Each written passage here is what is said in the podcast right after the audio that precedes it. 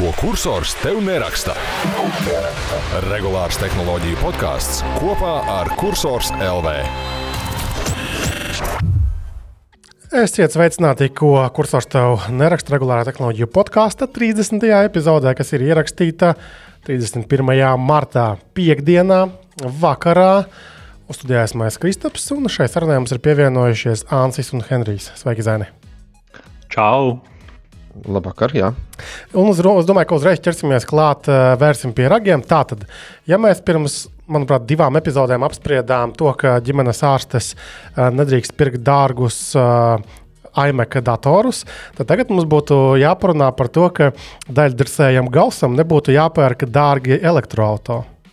Ansi, kāds ir tavs viedoklis šajā jautājumā? Mans viedoklis ir, nu, varbūt be, jābeidz ir melot nezinu, pašam sev, publiski. Grūti pateikt. Bet, nu, iemetot, jā, nu, iemetot kaut kādā Svetbanka leasinga kalkulatorā, uzliekot operatīvais leasings, uzliekot, ka tas ir zaļš transporta līdzeklis, uzliekot minimālo cenu, kur mēs, kā labi zinām, Audi pat neiedod līdzi tabureti un stūri tam visam pasākumam. Nu, tā cena mēneša maksa nu, ir vismaz, vismaz trīs reizes mazāka nekā mums saka televīzijā. 400 eiro ja? 414, nezinu, kas tur bija. Bez jā. PVN. Nu, nu, tas pat, saprot, nu, 20% starpība tur vairs nespēlē. Pie, pie trīskāršas starpības 20% vairs nespēlē nekādu lomu, manuprāt. Vismaz nepārskatām. Es domāju, ka es došos uh, pie Audi pirmdien un Nu, man būs uh, e-trons, man liekas, franču valodā tas nozīmē sūds vai kaut kas tāds. Uh, jā, jā. Uh, bet uh, es arī pieprasīšu, kur ir par maniem 414 eiro daļošu šo te miskasti. Un, platām, un ar tiem platām riepām. 26%, 26 atlaidi obligāti, jo tu vēl taču gribēsi paņemt vēl vienu tādu Henrijam arī automašīnu. Tev ir tiesības. Jā, mēs iesim, mēs iesim kā, kā, kā, kā draugu pāris. grupa. Jā, kā pāris. Es nezinu. Jā, Bet, kāpēc gan ne? Bet šajā gadījumā man liekas, ka nevajag tik ļoti fokusēties uz to, uz ko gribētu uh, Air Baltics un Gausakungs, lai mēs fokusētos uz to skaitli 414 vai 540 vai 93, 578, bet uz pašu faktu kādas nafig premium luxury klases elektriskie džipi jums ir vajadzīgi. Nu, jūs, ko tur esat prātīgi kokojuši, dunduki, blin. Mēs trietā šeit kārtīgi zēni, strādājam no rīta līdz vakaram, maksājam nodokļos. Krietni vairāk nekā gribētos dažkārt. Lai kaut kādi gudrinieki apstākļos, kad uh, strādā ar zaudējumiem uzņēmums, pirktu dārgas mašīnas, klimats. Latvija var. Latvija var. Mums ir tāds, mēs tāds pirms, slogans. Pirms pusotra gada, vai mēs viņus neizglābām ar kādiem 170 miljoniem? Lūdzu, regulāri jā, kaut ko. Vairāk pār pa 200 bija. Es šodien lidoju ar Baltiku. Jāatzīst, ka tomēr ir bijis labāk nekā Rainers vai Vizers. tu, vismaz, tu vismaz lidoji ar to Airbusu vai ar kaut kādām rumāņu? Nē, nē, tagad jau tikai ar bombardieri. Kādu bombardieri? Ah, nu, nu, viņš jau ir bombardieri, man liekas, ražo. Ah, tagad, laikam, jāņem tās. Vecās nav, jā, vecās nav. Jā, jā. Un mēs pat nesāksim to tēmu, uh, ka Gausam gribās arī NFT glupībām nodarboties, uh, plēnījiem. Un, un viens man nav pīkstuļi, es labprāt tagad ar pīkstuļiem runātu šajā raidījumā. Bet, nu labi, tagad sāpju izkratījām, pateicām, ka mēs neēdam to sūdu, ko Gauss mums ar karotītēm mēģina iebarot, un ko diezgan daudz žurnālisti arī tā nekritisko acī izvērtējot, arī nu, pēc tās vakardienas preses relīzes arī raksta, nu jā, nu, kad iedzīgs tur tā, nu, tāds labs piedāvājums, tur bija traļi vaļi. Dirž, nekas tur labs nebija. Tālāk. Kas mums vēl tāds aktuāls ir? Es domāju, ka ja mēs eh, runājam par šo tēmu, tad uzreiz var arī pie Apple lietām pāri. Labi, es nezinu, kāpēc tas savilku kopā, bet Ansim noteikti eh, arī par Apple tēmām ir eh, teiksim, ko teikt, jo VVDC konference arī ziņota, kas notiks mums 5. līdz 9. jūnijā. Tas ir izstrādātāja konference, kurā parasti Parasti prezentē programmatūras jaunumus. Šajā gadījumā tas ir nu, iOS, iPados un, un viss pārējais. Un ik pa laikam kaut kādu arī dzelzīti parāda. Ko, ko mums īsti plānots parādīt, ieraudzīt šoreiz šajā VVDC? Nu, uh, Henrijs gribēja par šo runāt, bet labi, es uh, sagatavoju. Var. es sagatavoju par šo rakstu. Manuprāt, Oh. tur bija 15 solīgais uh, Mac, jā, MacBook Airs ar M3 procesoru. Un tiek runāts par kaut kādām uh, virtuālās vai papildinātās realitātes brillēm, bet nu, tur ir uh, daudz visādi uh, temati bijuši par to, ka, ka Apple darbinieki īsti tā kā nevēlas, lai to spēr ārā. Tims Kuks vēlās tur spērt ārā uh, un izziņot, bet uh, tas, tas viss ir baumas, protams, šajā mirklī vēl. Bet, uh, nu, grūti pateikt, nu, tas VVDC jau parasti ir uh, vairāk izstrādātājiem, un tie dzelzīši tur ir parasti tiek kaut kas apdeitots, uzlabots nedaudz, kaut kāds jauns processors, varbūt ielikts kaut kādas citas atmiņu versijas, varbūt kāda cita krāsa tiek iedota. Bet uh, pamatā mēs uh, būs uh, visi iOS, TVOS, uh, Makosi un vispārēji osi, kas vien tur būs, būs jauni, ka tie gan. Tur gan pastāstīs par va- pārsvarā par iespējām, un, un, un laikam tās lielās lietas nonāks pie lietotājiem drīzāk uz rudens pusi kopā ar jaunajiem iPhone, uh, jaunajiem iPadiem un tā tālāk, kas tur vēl nebūs. Jā, labi, paldies. Bet par brillēm tomēr gribētos mazliet drusku izvērstāk. Uh, tas, ko mēs gan redzam nu, tajā baumu mm, kalvē, gan arī paši pa laikam arī izvelkam un uzrakstām par tām lietām, kas mums liekas vairāk vai mazāk leģit. Tā tad, jā, nu runā par tām brillēm jau labi sen. Tad bija salīdzinoši nesen ziņa, ka tā tad iekšēji tas produkts it kā esot gatavs, un to plānots kaut kad drīzumā atrādīt kaut kādiem uh, simts top menedžeriem uh, Apple kompānijā. Un tad, acīm redzot, tad arī pieņemt lēmumu, varbūt gala vai viņi laiž laukā vai nelaiž laukā. Uh, Tāpat var redzēt arī baumas, ka tā nav tāds visiem vienprātīga vēlme, nu, kad jā, ka ir gatavs un varētu maukt uh, laukā. Un es arī ļoti labi saprotu, kāpēc Apple ļoti gribētu tieši šajā pasākumā, jo, kā jau Vants minēja, šis ir izstrādātājiem veltīts pasākums un attiecīgi. Tādam produktam kā brillēm, tur nepietiek dzelzi pavicināt acu priekšā un pateikt, ka kaut kur nezinu, 999 vai, 100, vai 1199 uh, dolāri vai eiro un pērciet. Bet tur tieši kritiski svarīgs tieši šis saturs. Mēs esam paši redzējuši, uh, kad Apple parāda kaut kādus šīs papildinātās realitātes, nu, kā, kur tajās iPhone'os var arī tos dinozauriņus tur uz galdiem kaut kādiem krāmēt, diezgan pompozi. Uh, un arī tas ir VVDC laikos parasti rādīts, tas AR kit un, un, un vispārējais. Bet vai kāds ir baigi daudz saradījis lietotnes un kaut kā tā masās šito panesis? Nav. Tāpēc ir baigi svarīgi. Bet, atcīm redzot, tu nevari rādīt uh, negatīvus uh, produktus uh, tiem pašiem izstrādātājiem. Kā jums liekas, vispār vai mums vajag šādu produktu? Baigi grūti pateikt. Baigi grūti pateikt. Nu, pirmkārt, izklausās dārgi. Otrakārt, uh, nu, vai tas ir paredzēts uh, mums kā, kā patērētājiem, vai tas tomēr kaut kādiem biznesiem ir paredzēts. Nu, šausmīgi grūti pateikt. Baumas ir visādas, dažādas, bet kas tur beigās viņiem sanāks, ir ļoti grūti pateikt. Un, jā, kā Kristaps teica, Apple vienmēr cenšas apbūvēt, vai vismaz pēdējos desmit gadus cenšas apbūvēt savus produktus no sākuma ar lietotnēm, ar iespējām, kur viņi ne, nevienmēr viņi paši to izstrādā, bet nu, viņiem tiešām ir jāparādā mm, un jāiedod šiem izstrādātājiem, no trešo pušu izstrādātājiem, Mm. lai, lai sabūvē visādas ekosistēmas viņiem virsū. Un Ļoti, ļoti grūti. Mēs varam mūžīgi, bet nu, es, man tās brilles nevajag.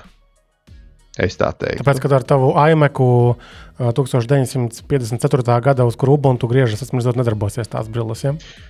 Uh, es neesmu uh, redzējis vajadzību, ja neskaitu pornogrāfiju, protams, tad uh, virtuālās realitātes brilles. Es, tā kā, es esmu pā, burtiski pāris reizes dzīvē lietojis, vienreiz pie Kristapa. Tas deva labā, bija, ja nemaldos, HTC brillītes. Tās bija Vai mums Kaut kāds ir? vien. Jā. kaut kāds viens no pirmajām. Nu, pašaut marsiešus 15 minūtes, uh, un, un kaut kas tur vēl bija nu, forši.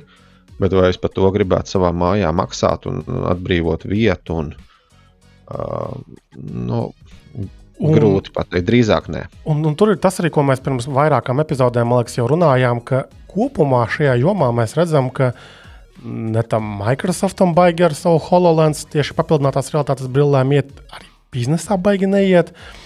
Facebook, jeb meta tagad arī kaut kā stūrē prom no metaversa, vairāk viņi tik braši muti nebrūķē vairāk par šo jomu.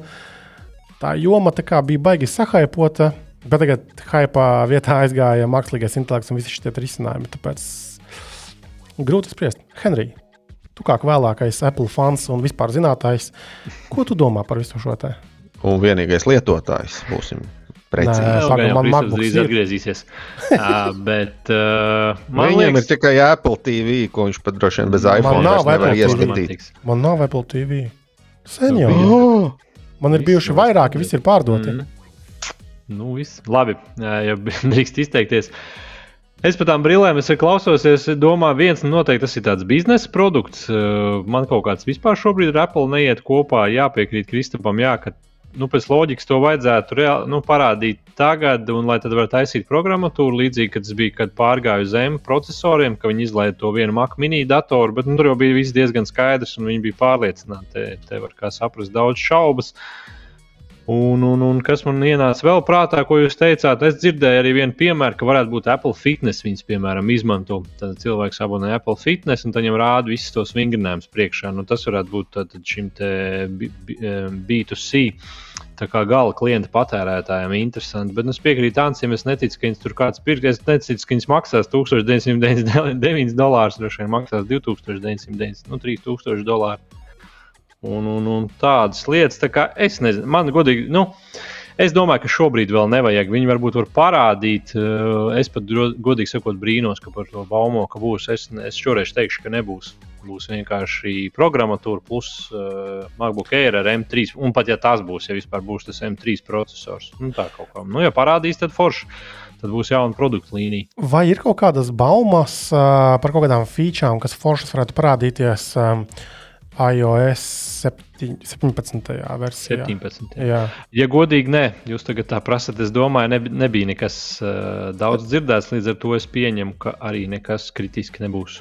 Kārtējo reizi pulēs vienkārši pucēs, mm un, un šie, šie bērni saņemat un ēdiet uh, pilnām karotēm. Tā kaut kā, jā. Okay, okay.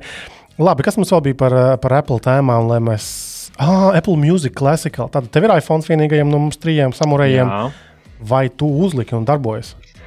Jā, es uzliku, jo viņi piedāvā mēnesi bez maksas. Tāpēc es arī pieteicos, un es uzliku, un pa lielam viņš ir tā, tāds kā Apple Music, tie, kas lieto. Mm, tur vizuāli pilnīgi nekādas atšķirības. Bet tā ir atsevišķa lietotne? Atsevišķa lietotne, tas ir pirmais, jā, man atnāca paziņojums, es tur biju iestājies rindā, un tad kopš otrdienas viņš ir pieejams un pieejams. Labi, pieņemu, ka Latvijā es biju izbraucis tajā dienā. Es tagad aizdomājos.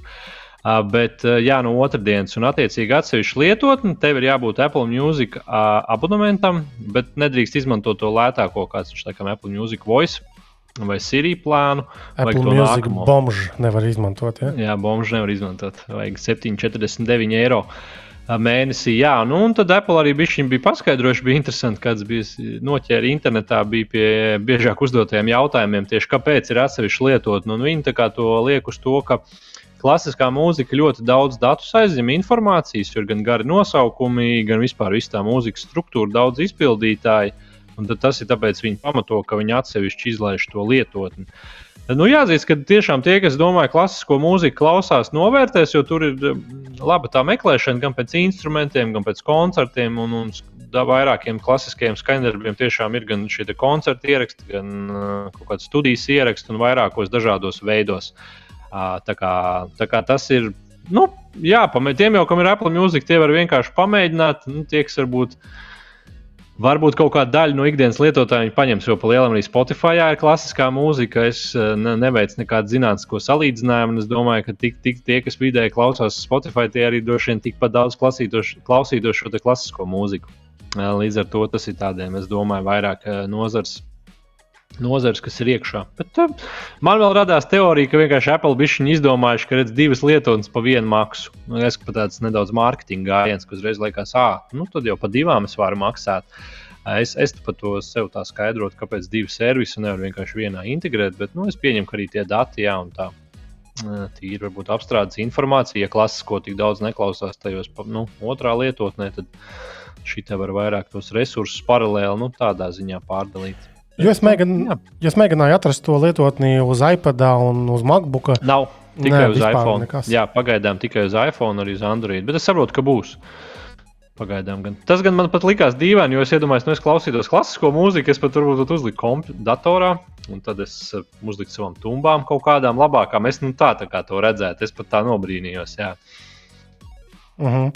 uh, ok, labi. Uh, Starp citu, par to w, WDC es redzēju, jau jums rakstīju čatā, man liekas, ka tas Aivars, arī ko mums bija intervija, viņš ir pieteicies. Viņš gan ir rindā, viņam jātiek, kas eh, tur ir. Viņi izlozēs eh, nu, uz nejošā kārtā. Katrā ziņā būs ļoti interesanti, ja viņš tiks. Es domāju, viņš varētu, nu, tiešām tiks, viņš varētu pastāstīt, ā, kāda būtu tā pieredze. uh -huh. nu, sagaidīsim vasaru. Uh, pas- viņš dzīvoja, domā, braukt. Ja? Jā, viņš domā, dzīvē viņš tur ir pieteicies tādai, tur varēja pieteikties izstrādātāji, un tad nejaušas kārtā izlozēs, un tu brauc uz to Apple Park. Tieši tā, jo tur laikam nav biļetes jāmaksā par ie- ieiešanu Jā. iekšā, bet ir izloze kaut kāda laikam. Jā, nu, viņš droši vien gan ir tas developers, viņš maksā mm. droši vien to, to izstrādātāju maksu. Tur 99 bija gadā, vai maksas bija šim pacēla vai ne? Nu, bija, bija, bija diezgan, jā. Nav tā, ka tur par veltu lēž iekšā. Mm. Uh, ok, tad vēl no Apple tēmām es redzu, ka uh, Apple Pay internetā pieejams Svetbara kā komercijas klientiem. Tā, tas ir stāsts par ko? Uh, ka tā tad uzņēmumi, kuriem ir kaut kādas e-komercijas uh, daļas, ja, var mm -hmm. tātad ieviest savās mājaslapās mm, nu, apmaksu ne tikai ar nu, nezinu, Svetbanku, Internetu banku vai, vai, vai, vai kartēm, bet tur ir atsevišķa integrācija arī ar Apple Pay. Pareizi, tāda tā doma bija. Ja? Jā, tieši tā. Ja tev jau ir datorā, ir, nu, vai Mac, datoros uzreiz izliks, tev vienkārši būs Apple Pay. Viņš tev atnāks uz- telefonu. Vai attiecīgi Mac datoros uz pašu maku. Tā kā tev nevajadzēs nekādas kartes vai vadīt, tu apstiprinās ar seju, pirkstu un viss ir. Tu esi samaksājis un nauda aizgājis tiem. Tas ir, Tā kā forša feature. Tas ir ā, tiem tātad Svetbankas klientiem, uzņēmumiem. Uzņem, jā, jā, nu sākumā uzņēmumam, protams, jāapstiprina, jāpalaiž to. Jā, jā privātais, ne, neko ne, privātais to nediktē. Un tajā preses relīzē es redzu, ka kā piemērs viņiem bija Rīgā mūsējais. Un, kad kad Rīgā e-veikals ir pieslēgušies, un tad principā varēs apmaksāt tātad tā- tajā Rīgā e-veikalā ar Apple Pay. Jā. Un kopumā Jā. ir, ir, ir maksāts gan no telefona, gan no datora. Tas ir rīktīgi forši. Uh, tiesa, jāpiezīmē, tagad, kā esmu Android pu- pusē, uh, apmaksa ar, ar to Google Pay ir ā, gandrīz tāda pati. Tā kā, nu, viss ir forši un viss darbojas. Nekur to nav jābaksta nekādi kartes dati. Tas viss jau ir un pietiekami droši. Un, Nu, jā, tas normāli. īstenībā drošāk, ja tā padomā no tāda skatu punkta. Jā. Tas uztraucās par kārtas datiem. Jā, un tad vēl bija ziņa, ka, uh, ka Apple sāk uh, testēt to uh, Buy Now, Pay Later funkciju. Kurš no jums par šo rakstīja? Nebūs šoreiz, nebūs šoreiz. Tad, tad es mēģināšu atcerēties. vien pētīja. Iespējams, jā, bet uh, tur tā doma bija tāda, ka, ka, ka, ka, ka jā, kad uh, kaut kur, man liekas, Amerikā kaut kādiem cilvēkiem Nu, vien, jā. jā, sāk, Mums, sāk tātad uh, šo te feature palaist. Tur tā doma ir uh, tāda, jā, ka tu vari nopirkt liekas, līdz 1000 dolāriem uh, kaut kādu pirkumu, sadalīt mazākos maksājumos un nekā uz nomaksu. Ja? Latvijā mēs jau apcēlām vienus gudrniekus, no, uh, ātrā kredītu, kas, uh, kas mēģināja zem šī jaunā, modernā termina, ja uh, buy now, pay later, uh, iesmērēt kaut kādus savus ātrus kredītus, nu, plēlam ar savām milzīgām procentu likmēm. Uh, tad tagad uh, kaut ko līdzīgu uh, arī Apple dara. Apple gan jau nav vienīgie. Tur, tur bija uh, Klārna, Afirma un, un līdzīgas uh, kompānijas arī. Uh, es mēģinu atrast, tagad man bija kaut kāds baigais uh, piemērs. Um, jā, tā tad. Um, Tur bija forši, ka tajā dienā, kad tika izziņotas šīs ziņas, tātad konkurence afirma, uh, tad akciju vērtība nokrita uzreiz par 10% uh, par šiem jaunumiem. Bet arī kopumā visa tā joma tāda ir baigi interesanta. Tāpēc, ka es arī kaut kur biju lasījis tieši šīs ziņas kontekstā, ka, ka, ka viena kompānija līdzīga bija baigi laidusi vaļā darbiniekus.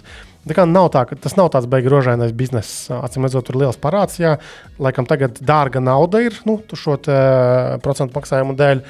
Un, un nav tur nekāds baigs grožēnais bizness. Un Apple diezgan ilgi to muļāja, jo baumas par to, ka viņi kaut ko tādu piedāvās, jau baigi, baigi sen bija. Šeit vēl visā tajā kontekstā jāpiezīmē, ka Apple taču vismaz Amerikā ir arī Apple Card sadarbībā ar kaut kuru no klasiskajām bankām, nu, tām lielajām zināmajām. Viņiem ir nu, jā, nu, kredītkarte Apple, ar Apple logo un smuku un vispārējais. Un arī tur bija ziņas, ka ka tātad šai klasiskajai bankai un šīs Apple projekts kartes arī bija kaut kādus ārprātīgos zaudējumus nesis, jo kaut kas tur tik viegli neiet, acīm redzot, šajā biznesā. Nu, kredītkarte, tas ir rīktīgā kredītkarte, tā jau arī savu veidu ir buy now, pay later. Jā, jā nu, taisnība, taisnība jau ir. Uh, lūk, kā... Es domāju, ka šis ir vienkārši cits veids, kā to iepakot. Tu sadali pa maksājumiem, tur tu samaksā varbūt uzreiz, un nu, atskaiti to summu pēc 30 dienām vai pēc ilgāka laika. Te vienkārši sadali. Jā. Nu, viņi jau gan raksta, ka kaut kāda laika nav procenti jāmaksā. Kredītkartēm arī. Kādu, ja mums kaut kādu laiku nav jāmaksā. Dienas. Jā. Bet, Tā, bet Amerikā kā... droši vien ir, tu vari staipīt garāku to termiņu. Vo, es atradu, es atradu. Uh, tad vēl viens konkurents šajā biznesā ir tāds uzņēmums Klarna. Uh, tur bija teikts, ka tātad, um, uh, viņi paziņoja par 1 miljardu ASV dolāru zaudējumiem no šī biznesa. Un tātad kompānijas valuation, jeb novērtējums samazinājās par 85% pagājušajā gadā.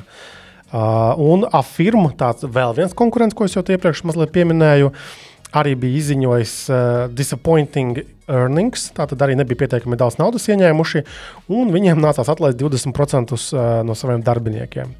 Lūk, tā kā jā, nav, nav nekas rožains šajā visā lietā. Absolūti nožēlojam, pie mums Mogo uztur tur mm, hokeja halas un hokeja komandas. Un viņi vienkārši nemāk strādāt tajā aizjūras zemē. Tā, Ei, tas nozīmē, ka vajag Timam Kukam sataisīt ekskursiju uz Mogo, lai šitie mūsu gudrinieki parāda un pastāsta, kā ir jātaisa piķis. Jā, jā, forfinanses un kas tur mogo un viss šis te, kur tu vari iepīties. Labāk, labāk investē naudu Latvijā vai kaut kādā tādā. Tur vismaz Latvijas valstī aiziet, Latvijas republikai aiziet kaut kāds centiņš.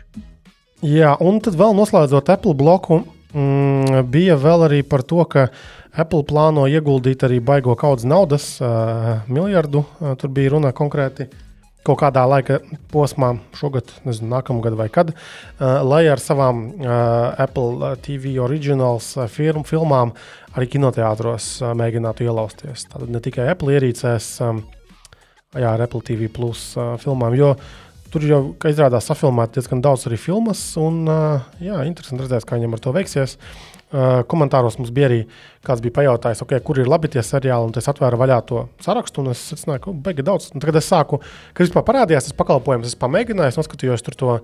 Uh, par tiem kosmonautiem. Uh, Morāli Manken, tas ir labākais. Man patīk, tas ir trīs sezonas. Viņas tikai trīs arī ir, tur vairāk nekā nav. Ja? Jā, bet nu, viņš ir labs. Tas manējais, to es, tas man patīk. Tad es skatījos, tagad parādījās Ted Lasso, kaut kādu pirmo, otro sezonu. Arī fifīgs seriāls. Tāds īzī. Es no vakarā vakariņas kaut kādas graus un skatījos un, un nedomā baigi daudz. Un man arī patika tas, kā viņš bija, The Morning Show par tiem nu, mēdījiem, par, tie, par, tie, par to televīziju. Arī normāls foršs seriāls. Un, vai, un, un es secināju, ka, jā, ka, ka tos vecos es biju skatījies, un man diezgan labi patika. Un neko jaunāku es baigi nebiju arī pētījis. Un tur kaut kas tāds vēl un vēl. Nu, redzēsim, kā viņiem ies kinoteātros, protams. Man liekas, tas ir tāds atsevišķs bizness. Un, Nu, tur maz ar tehnoloģijām sakara. Tas ir tāds uh, mēdīju biznesa. Nu, mēdīju, tas jau vairāk uh, nu, pakalpojumu, servisu sektors. Jep, jep. Es tagad ieplūg, ieplūgošu jūs šajā pasākumā par seriāliem. Uh, noskatījos, manuprāt, tas ir Netflix par nepārāk uh, legāliem uh, avotiem.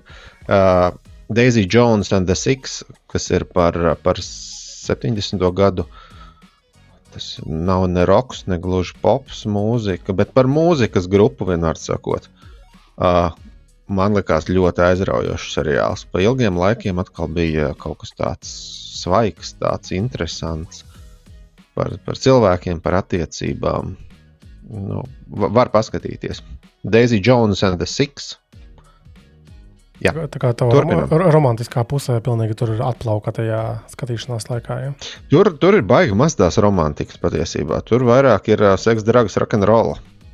Pārsvarā. Kāda no kuram romantika? Kāda no kuram romantika? Ja? Eh, romantika no aizmugures, jā, rīktīgi. Tur Ok, labi. Uh, drusciņi, nē, minimāli, pat gandrīz nemaz. Varu skatīties ar bērniem. ok, labi. Nav, nav tur šitais. Labs komentārs, paldies. Henrij, uh, mēs tev devām uzdevumu ar, ar visiem mūsu lasītājiem, klausītājiem. Ar tām AirPods austiņu testu, to kārbiņu, kas, kas izlādējas. Pastāsti, kā tev gāja. Nu, es biju baigs sajūties, baigot testu taisīšu. Ja? Nu, tad es nu, pastāstīšu, ka man gāja, tad es uzlādēju pilnu kārbiņu un ar austiņām. Un tad es tur lietoju, lietoju, lietoju. Es tiešām nelādēju kārbiņas, palietoju austiņas, ielieku apakaļ. Un beigās, nu, tā kā man pēc tam raksta pirmais mēģinājums, es nonācu pie tā, ka man izlādējās gan austiņas, gan kārbiņa.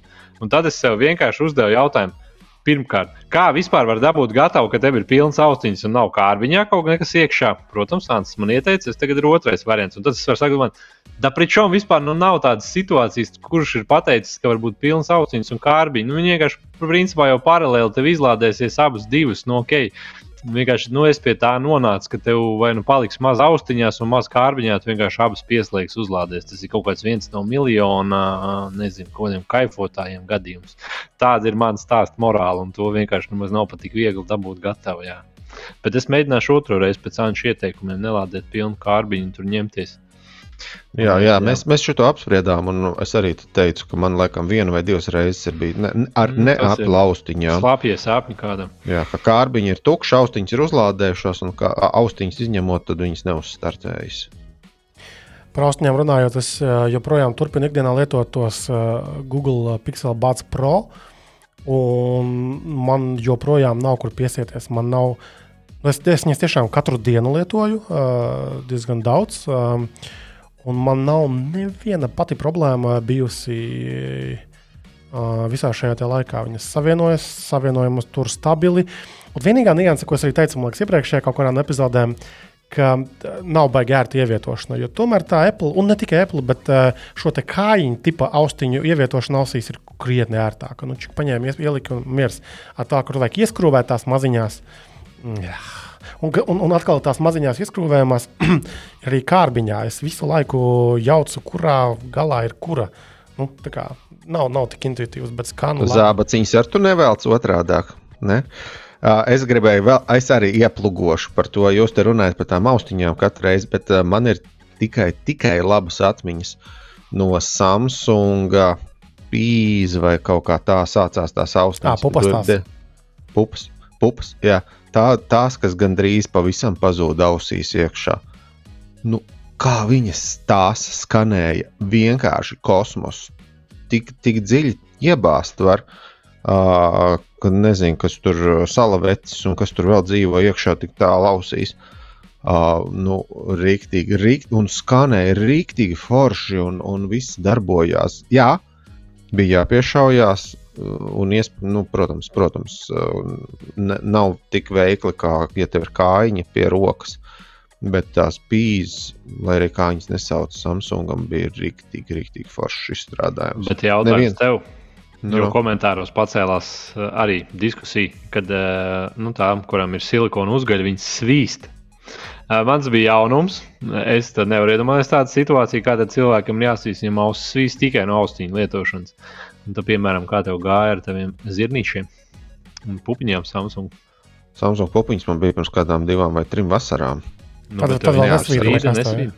Neatceries, kas Goda vārds neatceros. Godi vārds. nu, vienkārši bija smieklīgi. Es pieņemu, manā likās dīvaini nedaudz. Nu, kā var svīst? Tas mans viedoklis personīgais. Es nezinu, kas jādara, ja jau svīst tikai vienu ieliekot. Bet nu, tur bija dažādi piemēri. Bija bagāta cīņa aizgāja, kas aizstāvēja nu, šīs ar, ar silikonu uzgaļiem vai bez. Bet ir taču putu uzgaļi vēl arī. Un populāriem modeļiem Jā, nu, var arī pasūtīt tos. Es Jā, kaut, nu, tie kaut... droši vien ir alternatīvas silikonu uzgaļiem. Silikonu uzgaļi pamatīgāk ie, ie, iegulstās ausī, un ir tādi, kas ir vienkārši cietie gali, kā pirmās paudzes nepro, laikam šīm te Apple ausīm ka viņi vienkārši iekarina tās ausis, un ne tur tev ir pasīvā, ne tur tev ir aktīvā tā trokšņa slāpēšana, un tas ir pilnīgs bullshit, un ne, tev ba nedara. nav basu. Jā. Tas nekam nedara. Jā. Jā. Bet, Bet, bet daudz aizstāvēja. Jā. Bija tieši arī Nu, šitāds es nezinu, lai viņi paši lieto tādu. Nu, man, man liekas, tas likās interesanti. Silikona ausis ir universāls, nu, tās silikona uzlikas. Nu, tev parasti komplektā ir trīs, divas vai trīs dažādas. Papildus tās u- uzlikas ir pēc izmēriem, un, un, un ja tev saplīst, pazūd, tad tu vari piemeklēt no citām austiņām kaut ko līdzīgu vai nopirkt tādas pašas. Šīs te uzlikas, tas, nu, ja viņi nodzeltē ar laiku, vai nezinu, kas tur zaļš, pa- zaļš paliek, tu arī vari paņemt, nomainīt. Nu, tas ir superīgi. Bet tādas, kuras ir pilnīgi cietās, nē, nē, nē. Tas, tas, lai paliek, nezinu, tur kasešniekiem, Sony Walkmaniem vai kaut kam tādam, manuprāt. Protams, citiem var būt cits viedoklis, bet tas nav pareizs. Nē, es saku, jā, tāpēc, tāpēc bija interesanti diskusija, turpat komentārā aizgāja. Mm -hmm. Tāda man ienāca prātā, jā, tas lo, lo, logi, Logitech, eh, kurām tā kā pie, piegūlās tur tā, tas um, silikons iekšā, kas uzkars un piegūlās ausī. Tas varētu būt kaut kāds trešais variants tad mūsdienās. Mm. Labi. Uh, E3 uh, šī te video spēļu jomai paredzētā uh, konference izstāde ir atcelta jau kuru trešo gadu pēc kārtas, jo tur ir uh, atteikušies piedalīties uh, nu, industrijas lielie spēlētāji. Bija skaidrojums, kāpēc? Kas viņiem nepatīk? Kaut ko vienkārši aiztaisīt, ciet viņiem, viņiem droši vien nauda pa maz vai, vai, vai cilvēku pa maz. Es atļāvos palasīt drusku Wikipēdiju par E3. Nezinu, ko tas tur bija. Trīs, nu, e, entertainment, la, la, la, la, la, nezinu, kas tas ir. Kā tas- Software Association. Nē, nē, rīko- jā, jā, jā. rīkotājs ir Software mm. Association, bet kaut ko tā izstāde, ko tie trīs E nozīmē, to es nezinu. Bet eh, es, es iemetu aci, ka E3 sākās uh, 95. gadā. Nezinu, kā viņiem tur tobrīd veicās, bet kopš tā laika viņus tur pavadīja Sony. Kā viens no lielākajiem spēlētājiem, un, un, un tā skaitā bija arī kādu laiku bija arī Nintendo un Electronic Arts. Kurā gadā sākās? EA to the game 95. gadā. Mm. 1995. gadā. Uh, bet, uh, kā raksta Wikipēdija, tad Nintendo un EA Sports to the game pameta viņus 13. gadā, 2013. gadā. Un, un, un Sony ar visām savām spēlēm un visiem uh, saviem konsoļu brīnumiem pameta 19. un 2019. gadā.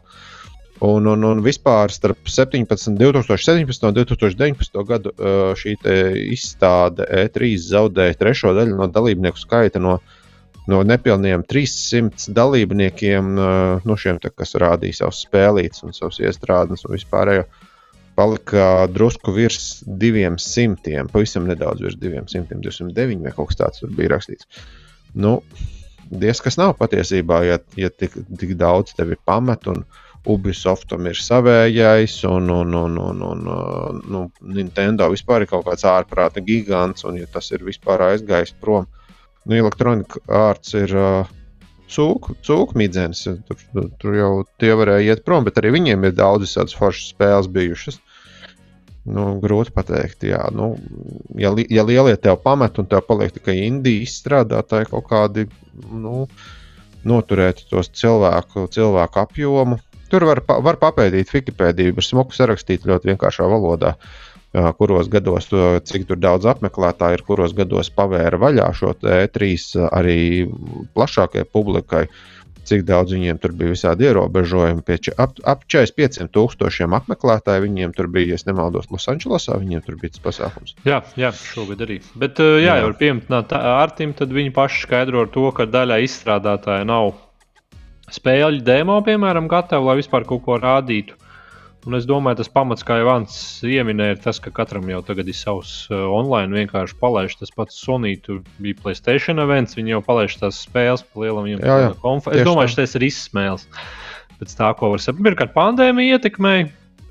es domāju, ka šāds pasākums sev ir izsmēles ar visu šo Nu, gan jau ir milzīgas arī visādas uh, maksas, lai tu tur piedalītos, lai tu uzceltu to, to savu būceni. Un, nu, tur jau ir milzīgas izmaksas, ko droši vien mūsdienās kompensē ar kaut kādu YouTube vidiku vai YouTube tiešraidi. Un, un, un, un, un uh, kaut kādām iespējām nopirkt spēli ātrāk vai nopirkt spēli. Varbūt neteiksim lētāk, bet kaut kādā plašākām iespējām. Tur tas skīnus tu dabūni. Un galā tu noslīksti tādā milzu izstādē ar savu piedāvājumu. Tu uztaisīji divas nedēļas agrāk savu unikālo pasākumu YouTube, kas tev neko nemaksā. Nu, droši vien kaut ko maksā, bet nu, salīdzinoši neko nemaksā. Tev ir, tev ir viss nodrošināts. Sapērkās iepriekš spēles, kuras droši vien nepērkam sāku iepriekš par spēles pirms izlaišanas. Es paskatījos, kas tajā gadā, ap 95. gadu, bija populāras spēles un, un vispār konsoles. No konsolēm tur toreiz bija populāras Nintendo Super NES. Tādu mākslu es pat vispār mūsu pusē nebiju redzējis. Kas, kas ir sniegs? Nepavilka naudiņu.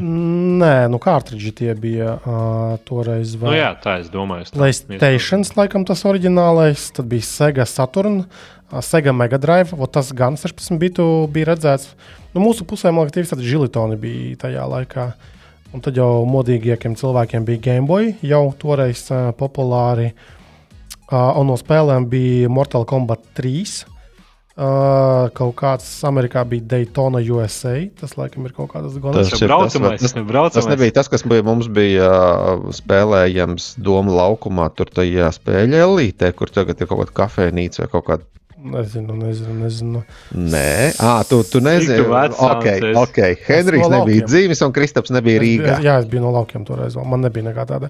Sega Rally Championship bija kaut kāda ļoti paskatījuma. Tas, tas, arī, tas arī bija šitajos lielajos aparātos. Jā. Tur tu baigi varēja atšķirt, vai spēlēt Daytonu vai Sega Rally Championship. Daytona raustīja stūri, draugi mīļie. Tur tev vajadzēja riktīgus bicepsiņus un plecs muskuļus, lai ar Daytonu spēlētu. Tas nebija jā. visiem, jā. Un tur bija automātiskā un, un, un manuālā kārbas iespēja. Tur, tur, pūf, man liekas, tur varēja braukt ar, ar, ar Toyotas. Uh, man liekas, tur bija kaut kāda korola, tur bija kaut kāda viena no jā, jā. pirmajām imprezām. Tur viss kaut kādas interesantas. Jā, jā, tur, tur bija rīkti. Nu, tur varēja... apājas ir jūtama tā, tā tagad nostalģija. Nu, tur, man liekas, tas maksā vai, vai, vai 10 centīmus vai 5 centīmus vai kaut kas tāds. Kaut kas baigi, baigi maz bija. Uh, bet var... arī tās spēles bija īsas. Bet jā, tas, laikam, skatījos uz arkādes. Uh, nu, jo tajos laikos arkādes arī bija. Šobrīd arkādes tu fik dabūsi. Uh, bet no tādām, laikam, uh, konsoļu spēlēm. Citu, jā. Rīgā kaut kur, es nezinu, kur ieplūgošo kaut kā. Ir, uh, es redzēju, bildēs ir kaut kāds spēļu muzejs. Jā, uz Barona ielas. Uz Barona ielas. Nu, varbūt tu zini vairāk. Es redzēju dažas bildes. Tur ir šīs vecās arkādes un visādi žilitoni jau minēti un viss kaut kas cits izskatījās tik, tik aizraujoši. Protams, nav aizraujoši tādiem kaut kādiem 10, 15 gadus veciem, bet tādiem 40 gadus veciem kā mums. Un es atvainojos, Henrijam, kuram ir droši vien 30 vai kaut kas tāds, nezinu, grūti nosaukt. Bet tas spēļu muzejs ieplūgojam, izskatījās aizraujoši. Uh -huh. Tur viss laikam strādāja. Okay. Žilitons bija aiz, aiz stikliņa, bet uh, šīs visas arkādas varēja pabakstīt. Jā, nu, kurš pārējās uh, konsoļu spēles, tur Super Mario World 2, Yoshi's Island, Chrono Trigger, to es pat nezinu, Earthbound, nezinu tādu Panzer Dragoon, nezinu, uh, Raistar, Donkey Kong Country 2. Tas Donkey Kong dzirdēts, Vaipa. tas nav kur meta kaut kāds uh, šitais šīmpāns banāns vai kaut ko tādu augšā pat repītēm. Jā. Kaut kas laikam tāds. Mūcis laid lejā. Vai mūcis, jā. Jā, davai par aktuālākām spēlēm. Runā, ka uh, Lāsta FAS uh, datora versijas uh, sākums nav baigi rožains.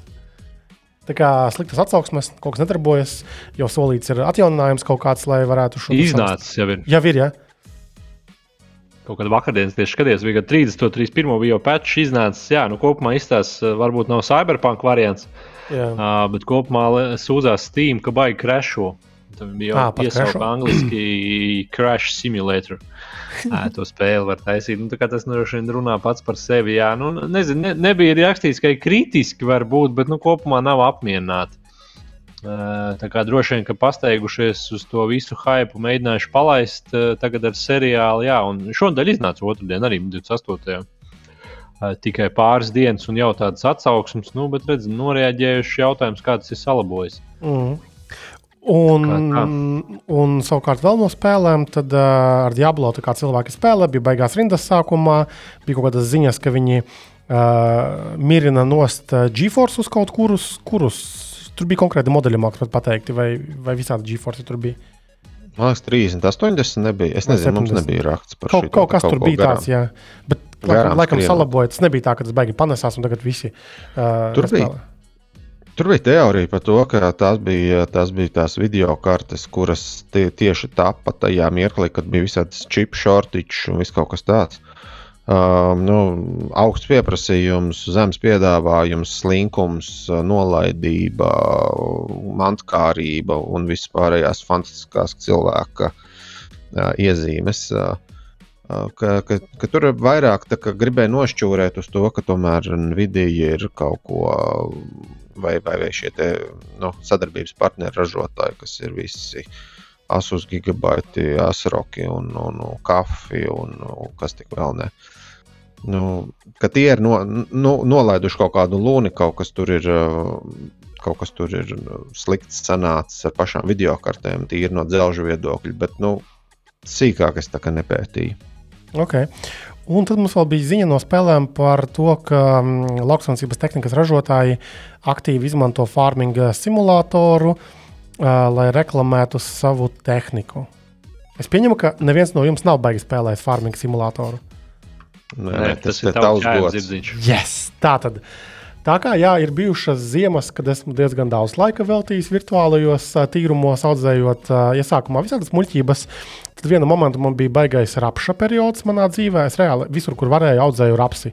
Uh, un tad es pārgāju uz kartupeļiem, jo es secināju, ka jā, lai arī dārga tehnika, jā, lai arī ļoti nu, grūti novācama, tomēr nu, cenas tur ir labas uh, tehnikai.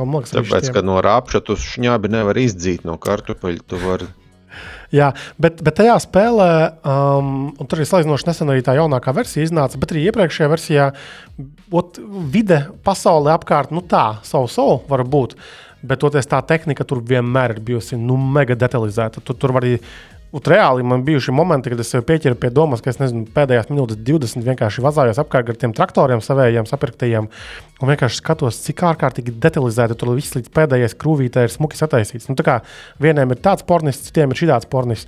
Un, un tāpēc es arī, jā, man nav nekāds brīnums, ka arī lielie ražotāji pievērš uzmanību. Jo nu, klasiski tomēr kā, tie vērķi tiek tirgoti visādās, man liekas, pie dīleriem, visādās tur tie lau, lauka izstādes, ķīpseli, nu, rāmavā, man liekas. Šī ir rāmava. Jā, jā, jā, es tieši gribēju, es gribēju tieši teikt, ka pa ceļam kaut kur šī te ķekavas apļu kaut jā, kur. Jā. Ir nu, John Deere un, un pie Mārupas ir kaut kādi sarkanie šitie te, kas pat nezinu, kas viņi tur ir. Kaut kādi ir, jā. Un... Tas nav komunisti, bet sarkanā krāsā nokrāsot traktoru. Klāsts, laikam, jā. Iespējams. Nu, to jau labāk zini. Jā, nesvarīgi. Uh, un, uh, un tur, tur bija pat līdz tādai galējībai, ka, uh, ka šie traktoru tehnikas ražotāji pat pielāgo savu jauno produktu izlaišanu ar spēles versiju, un kā salāgo šos laikus. Un, kā, cik ļoti mēs esam uh, tālu jau tikuši. Lai gan otrs puses, piemēram, uh, ziemas apstākļos tādiem uh, cilvēkiem, nu, nezinu, lauksaimniekiem, zem, zemkopiem tomēr nu, mazāk ir ko darīt. Nu, viņiem viss sniegs ir aizsniedzis, un viņi var arī zināt tās spēlītas un, un plānot nezinu, nākamo savu sezonu. Un, jo nevar tik daudz izbraukāties ar to tehniku, un tad tu sēdi un braukā virtuālajā pasaulē. Esmu skatījies arī Twitchā streamus, kā, kā cilvēki tur normāli ir apbūvējuši apkārt visus šos simulatorus no tiem traktoriem. Uh, ļoti aizraujoši. Aptuveni tikpat aizraujoši kā šie flight simulators. Vienīgais flight simulators, kaut gan arī, arī farming simulātorā tur var automātiskajā režīmā uzslēgt, lai viņš tur pats braukā riņķī un novāc to, to, to, to, to, tās kartupeļus. Un tikmēr var runāties par dzīvi. Man patīk šī tēma. Bet šī ideja vispār pie kā tagad noveda pie tā, ka laikam Mansis mums būvē kompi. Tā tad mēs esam ieguldījušies, sapirkušies visādas mantas pēdējās dažās nedēļās. Maziņu mātes plati, jeb sistēmu plati, Raizena nopirkuši aktuālo, tīpu kūlu, samērā budžeta klases AIO šo dzēsētāju, Samsung 990. 990 Pro. SSD. Tagad burtiski. Bet tas nepaliks tev. Jā, labi. Uh, un uh, šo, šonadēļ es salūzu un pasūtīju arī Intel Arc uh, video karti. nevis A770, bet A5, nu, 570 to pakāpju zemāk. Nu, vidējo, vidējo. Es, jā, es nespēju nopamatot tomēr šādam eksperimentam tērēt nezinu, 300-400 eiro, bet, bet to klasi zemāku kartīgu gan man ļoti gribās redzēt, kā viņa darbosies. Būs apskats kursorā, un arī jūs varēsiet pārliecināties, vai tiešām Intelim ir izdevies uzbūvēt vērā ņemamu konkurentu radioniem, GeForceiem. Un, ja ir, tad ot, ar kurām kartēm reāli pēc rezultātiem būs samērojami. Nu, lūk, un, un arī Discord kanālā, Discord serverī mūsējā kursorā Ansis arī bildes dažas iemeta, kā izskatās tas bilds. Ja, tad tev, tev demo kompis ar Intelītu uh, paliek nu, tajā milzīgajā uh, fraktāla dizaina Meshify ja, keisā. Uh, Meshify XL, Meshify 2 XL nu, vai kaut kas tāds. Tas, kuram Jā. mums bija apskats un kuru mēs nosaucām par vienkārši keisu pasaules Rolls Royce, jo tur reāli tas ir keis, kurā ir viss. Un viņš ir liels un plašs, un tur ir nenormāli krūta.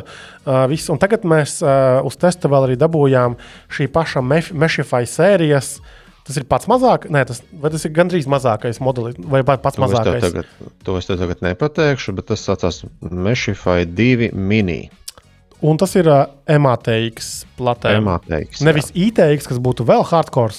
Tik tālu mēs vēl neesam uh, tikuši. Bet MATX izmērā kompis mums tagad būs salasīts bilds, un es tiešām to gribu savākt. Jo es pa vakariem tā sēžu un domāju, ka man gribās tomēr at atpakaļ pie Windows. Jo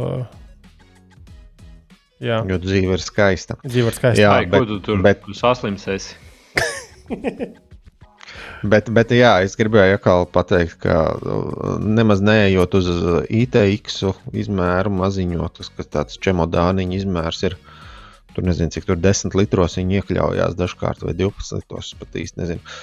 Bet arī MATX izmērs ir uh, gana nu, izaicinošs. It īpaši, ja tu vēlies ielikt kādu jēdzīgāku video karti, vai ja tu vēlies šo te AIO šķidrumu dzēsi, nu, es teiktu, ka mēs uh, baigi daudz nemērot. Knapi, knapi, haļāva. Es teiktu, ka bija haļāva, jo šī te, tātad PC korpusam, datora korpusā tu vari ielikt dzēsi vai nu priekšā, šo AIO dzēsi, vai augšā konkrētajam fraktāļu dizainam. Uh, nu, ja tu ieliec priekšā, tad tu nevari ielikt video kartes ar pietiekamu garumu. Tad jāliek augšā. Ja tu liec augšā, tad, nu, tad tu sāc konfliktēt ar v, v, VRM, ar VRM šo radiatoru. Un tu sāc, kā izrādās, tu sāc konfliktēt gandrīz ar ramatmiņām. Un šeit uh, drusku aplīd apkārt, bet ramatmiņām tur burtiski 2 mm lielāks heatsinks būtu virsū un čauka kaut varētu, nu, ne, nebūtu iespējas. Tur būtu, mm. nezinu, jāņem fleksis rokā un jāzāģē ventilatoros caurums. Jā. Man vairāk interesē, kā būs ar dzēsēšanu šajā visā. Jo mūsdienīgās video kartes, tad vispār keis ir mazs Viss tur aizņem daudz vietas, attiecīgi gaisa plūsmai, vai ir kur ieskrieties vieta. Un vai nebūs tā, ka aizverciet vāku, un tad vienkārši visam ir jāgriežas nenormālā troksnī, lai vispār nodzēsētu uh, to, kad, uh, kad palaiž 4K farming simulātoru? Nav tik traki. Nav, galīgi nav traki, jo vietas tur ir pirmkārt. Otrakārt, ir gan, gan priekšā ir šim keisam jau nāk līdzi, ja nemaldos, priekšā ir 140 mm ventilatoriņš aizmugurē ir um, 120 mm. Tā tad ir šī AIO dzese, kas rauj ārā gaisu uz augšu ar diviem ventilatoriem, 220. Un, un, un, un, un es atļāvos uzlikt arī šo barošanas bloku, tā kā ņem no gaisa no iekšas, kas nav košera. Tā ne, nevajadzētu darīt, bet, kā mēs zinām, nonāks pie kristapa šī kaste, un viņam ir kaķi un, un, un pofiga pārsvarā tur visādi. Labā, labāk, lai paņem silto gaisu no iekšpuses, nekā tur kaķu, kaķu kūsu ņem no grīdas. Bet, bet es pa, drusku padarbināju spēles, mm, Fārkrai vai kaut ko tādu padarbināju. Nu, nav, nav tās, protams, silst, jā, bet uh, tas siltums nāk pārsvarā no video kartes. Mēs tur iedabūjām iekšā RTX 3070, KF2 kaut kāds tur. Uh -huh. Nemācīšu nosaukt modeli, nu, to, ko mēs izmantojam.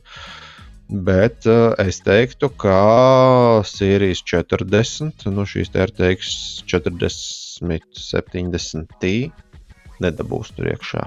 Nē, 40, 40 tā sērija no Nvidijas. Un, un, un jaunās, uh, kas tur bija tās 7000 uh, radio. Arī, arī Radionas nedabūs iekšā. Nē, nē, nē, nē, nē. Bet uh, Intelim būs kā reiz. Tu paskatījies un... izmērus specinē? Inteļa? Jā. Nav tik garš, nav tik garš. Tur ir divi, man liekas, konkrēti to, ko tu paņēmi, manuprāt, bija pat divu ventilatoru versija. Tā nebija. Uh mhm.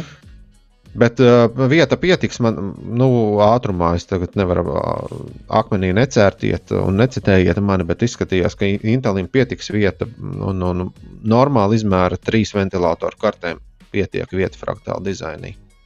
Nu, tur var būt jautājums, ir jautājuma. Jūs vienu sānu taisat ciet vai atstājat viņš? Tā arī nē, nē, viss vaļā. ir ciet, viss ir ciet. ciet jo tās bildes pastījos, tā video kartu vienā aizņem kaut vienu piekto.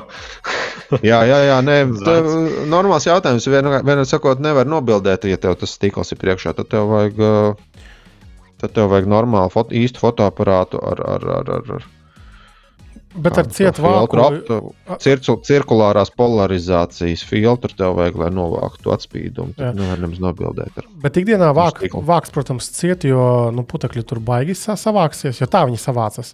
Ar tiem krūtajiem keisiem gan ir arī restītes un ar, ar, ar marli, ne, bet eh, paralonu, lai mēģinātu tos putekļus tomēr bišķiņa aizturēt. Uh, un arī klusāks ir, kad keisas ciet. Ir tomēr. Un tas gaiss tur nešu, neš, nešļūkā. It īpaši, ja tu tur uz galda blakus.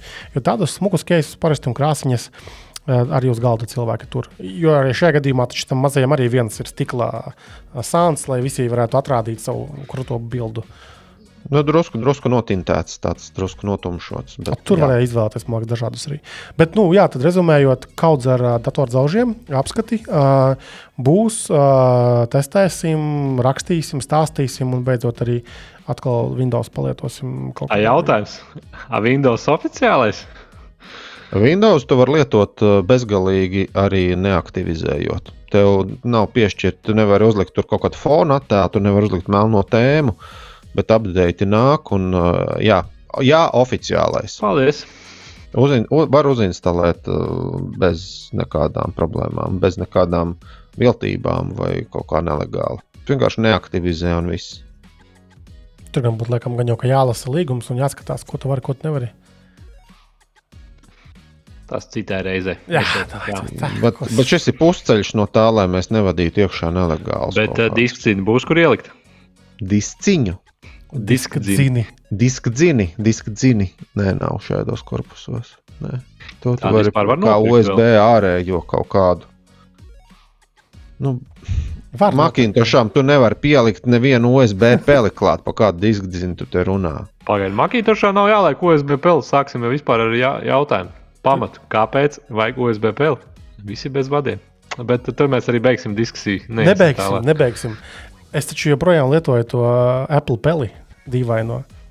Par kuru es spļaudījos, nu, to plakano Magic Mouse, ja, par ko es startā spēlēju. no apakšas, es ceru. Jā, tieši tā. Uh, mājās es viņu neizmantoju, protams. Mājās es esmu beidzot pieradis pie uh, tā Logitech MX Master.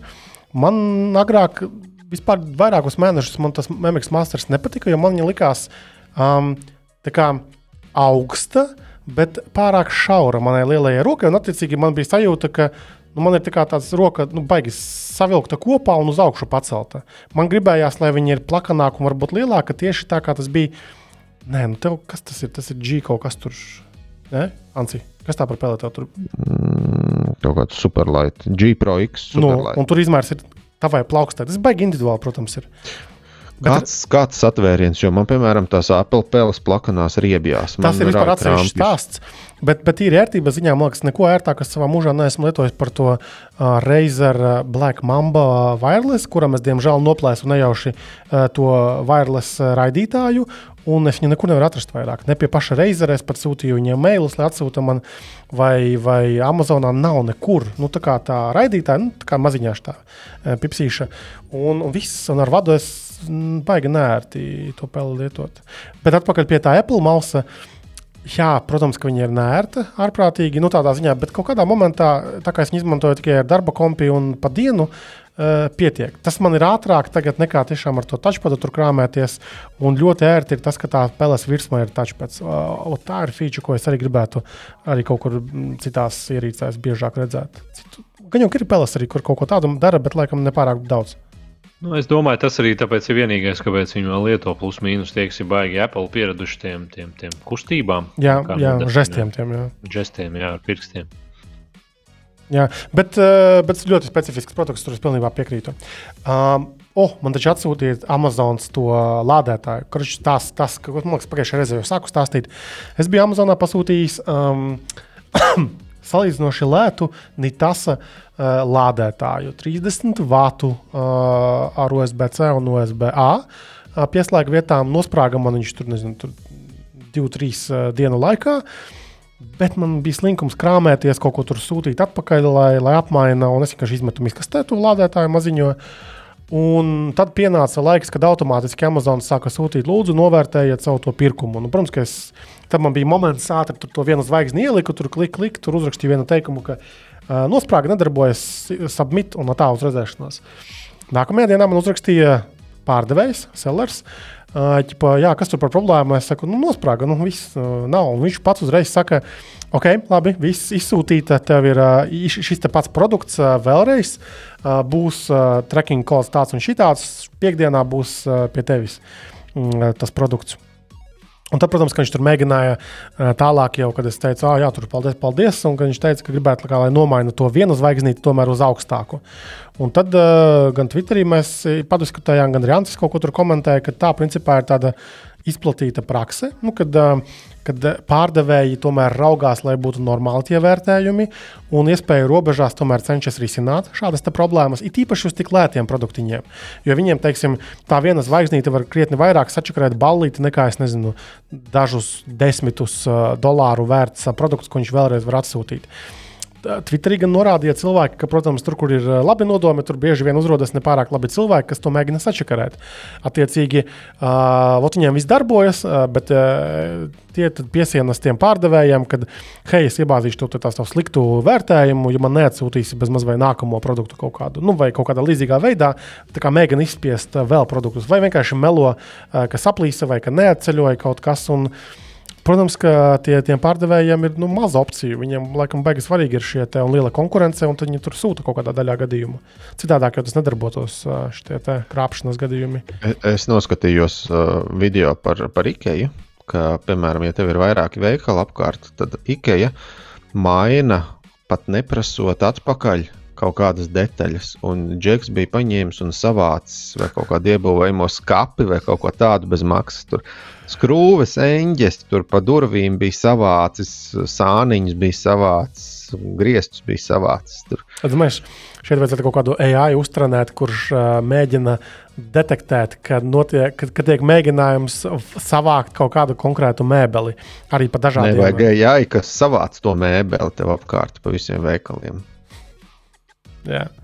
Nu, lūk, bet eh, tādā ziņā esmu patīkami pārsteigts uh, par, par Amazon vispār šo pieeju. Lādētājs vakar atceļoja, jā, un pagaidām darbojas. Nu, vēl nav pagājušas tās trīs dienas. Tev vajag to laiku. Bet pa... es domāju, ka Amazonē varētu būt diezgan strikti, jā, tāpēc jau viņš ņemās tur jau baigam review nozīmi. Mm. Un, un droši vien, ka klientam beigās taisnība, un tev kā pārdevējam tur itīgi jāņemās. Tāpēc jau tā. Bet uh, piemērs labs. Jā. jā.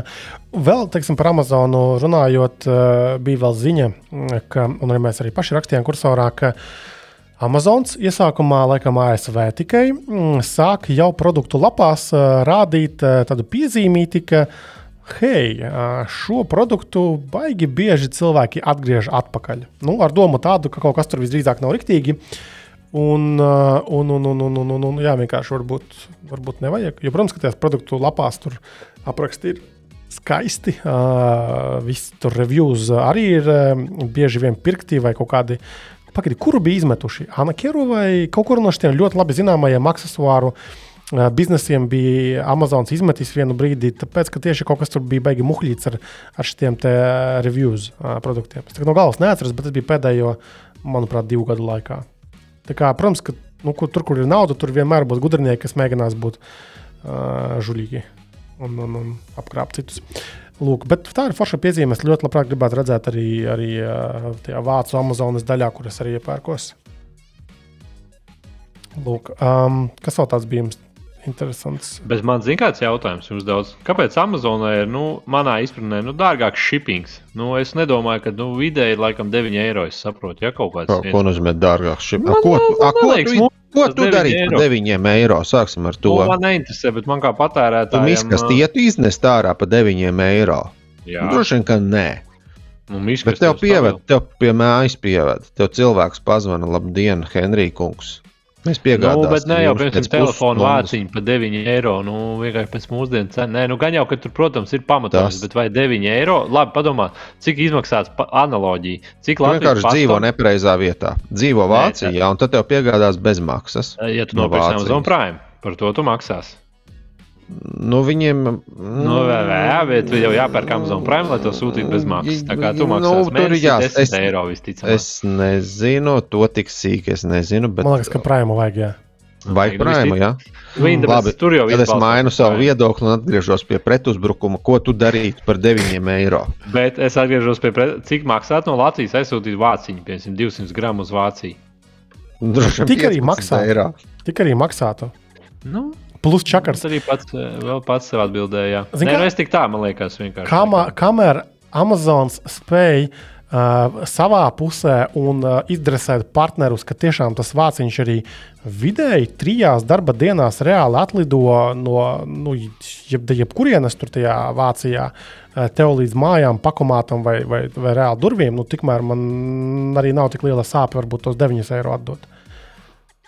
Bet, protams, ja tu kaut kā neveiksmīgi tos pirkumus veids, un tas, kad ir jāmaksā, nezinu, piemēram, tev nav no vienas noliktavas tie, tie vairāki pirkumi, bet katrs no kaut kādām citām vietām, un kad tev ir par katru tie deviņi jāmaksā, tad, tad, tad ir skrobe lielāka. Tur es tev piekrītu. Un kaut kādu sīkumu gribās nopirkt, bet pagaidām es sevi mierinu ar to, ka vismaz nu, ātri atbrauks, nu, čist atbrauks. Un, ja nu kas tu zini, ka tev samainīs to vāciņu vai lādētāju. Bet baigi lēti nav, bet toties ātri. Es gan nekad neesmu mēģinājis tos, uh, tos expedited shipping, kas ir vēl dārgāki. Laikam nekad nav neko vajadzējis tik ļoti. Bet viņi nav baigi ātrāki. Viņi reāli tur nezinu, dienu ātrāks. Lūk, Kā Nu, labi, lietai? labi. Nē, es piekrītu. Es arī pirku Xbox. Es atceros, ka viņš atnāca ātri. Vienkārši mūsdienās jau, starp citu, ja iemet acis tajā pašā salīdzināmā veidā, daudz jau ko var atrast. Uh, arī netik dārgi, tāpat Latvijā. Tāpēc ar bišķiņcies rodās jautājums, nu, vispār idejiski, vai kāpēc, kāpēc tu Amazonas bet neredz Lat Latvijā tepat tā sūtīšana, iepakošana maksā cik? 3 eiro, 4 eiro dažkārt. Nē, nu, protams, jā, varbūt es pat daudz skatos uz vietējo tirgu. Vienkārši es esmu ieslēdzis jā, no Eiropas, jo tomēr ar bišķiņu jāatved. Un, Nu, tas tā.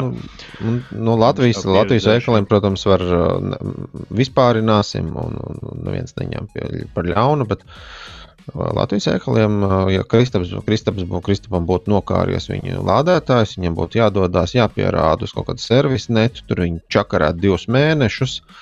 Pateikt, ka tā ir viņa vaina, nav ko bāzt pakaļā, jo tur ir silts un mitrs un, un tā tālāk. Un, nu, tur Amazon tev vienkārši atsūta kaut ko vietā parasti vai atgriež naudu.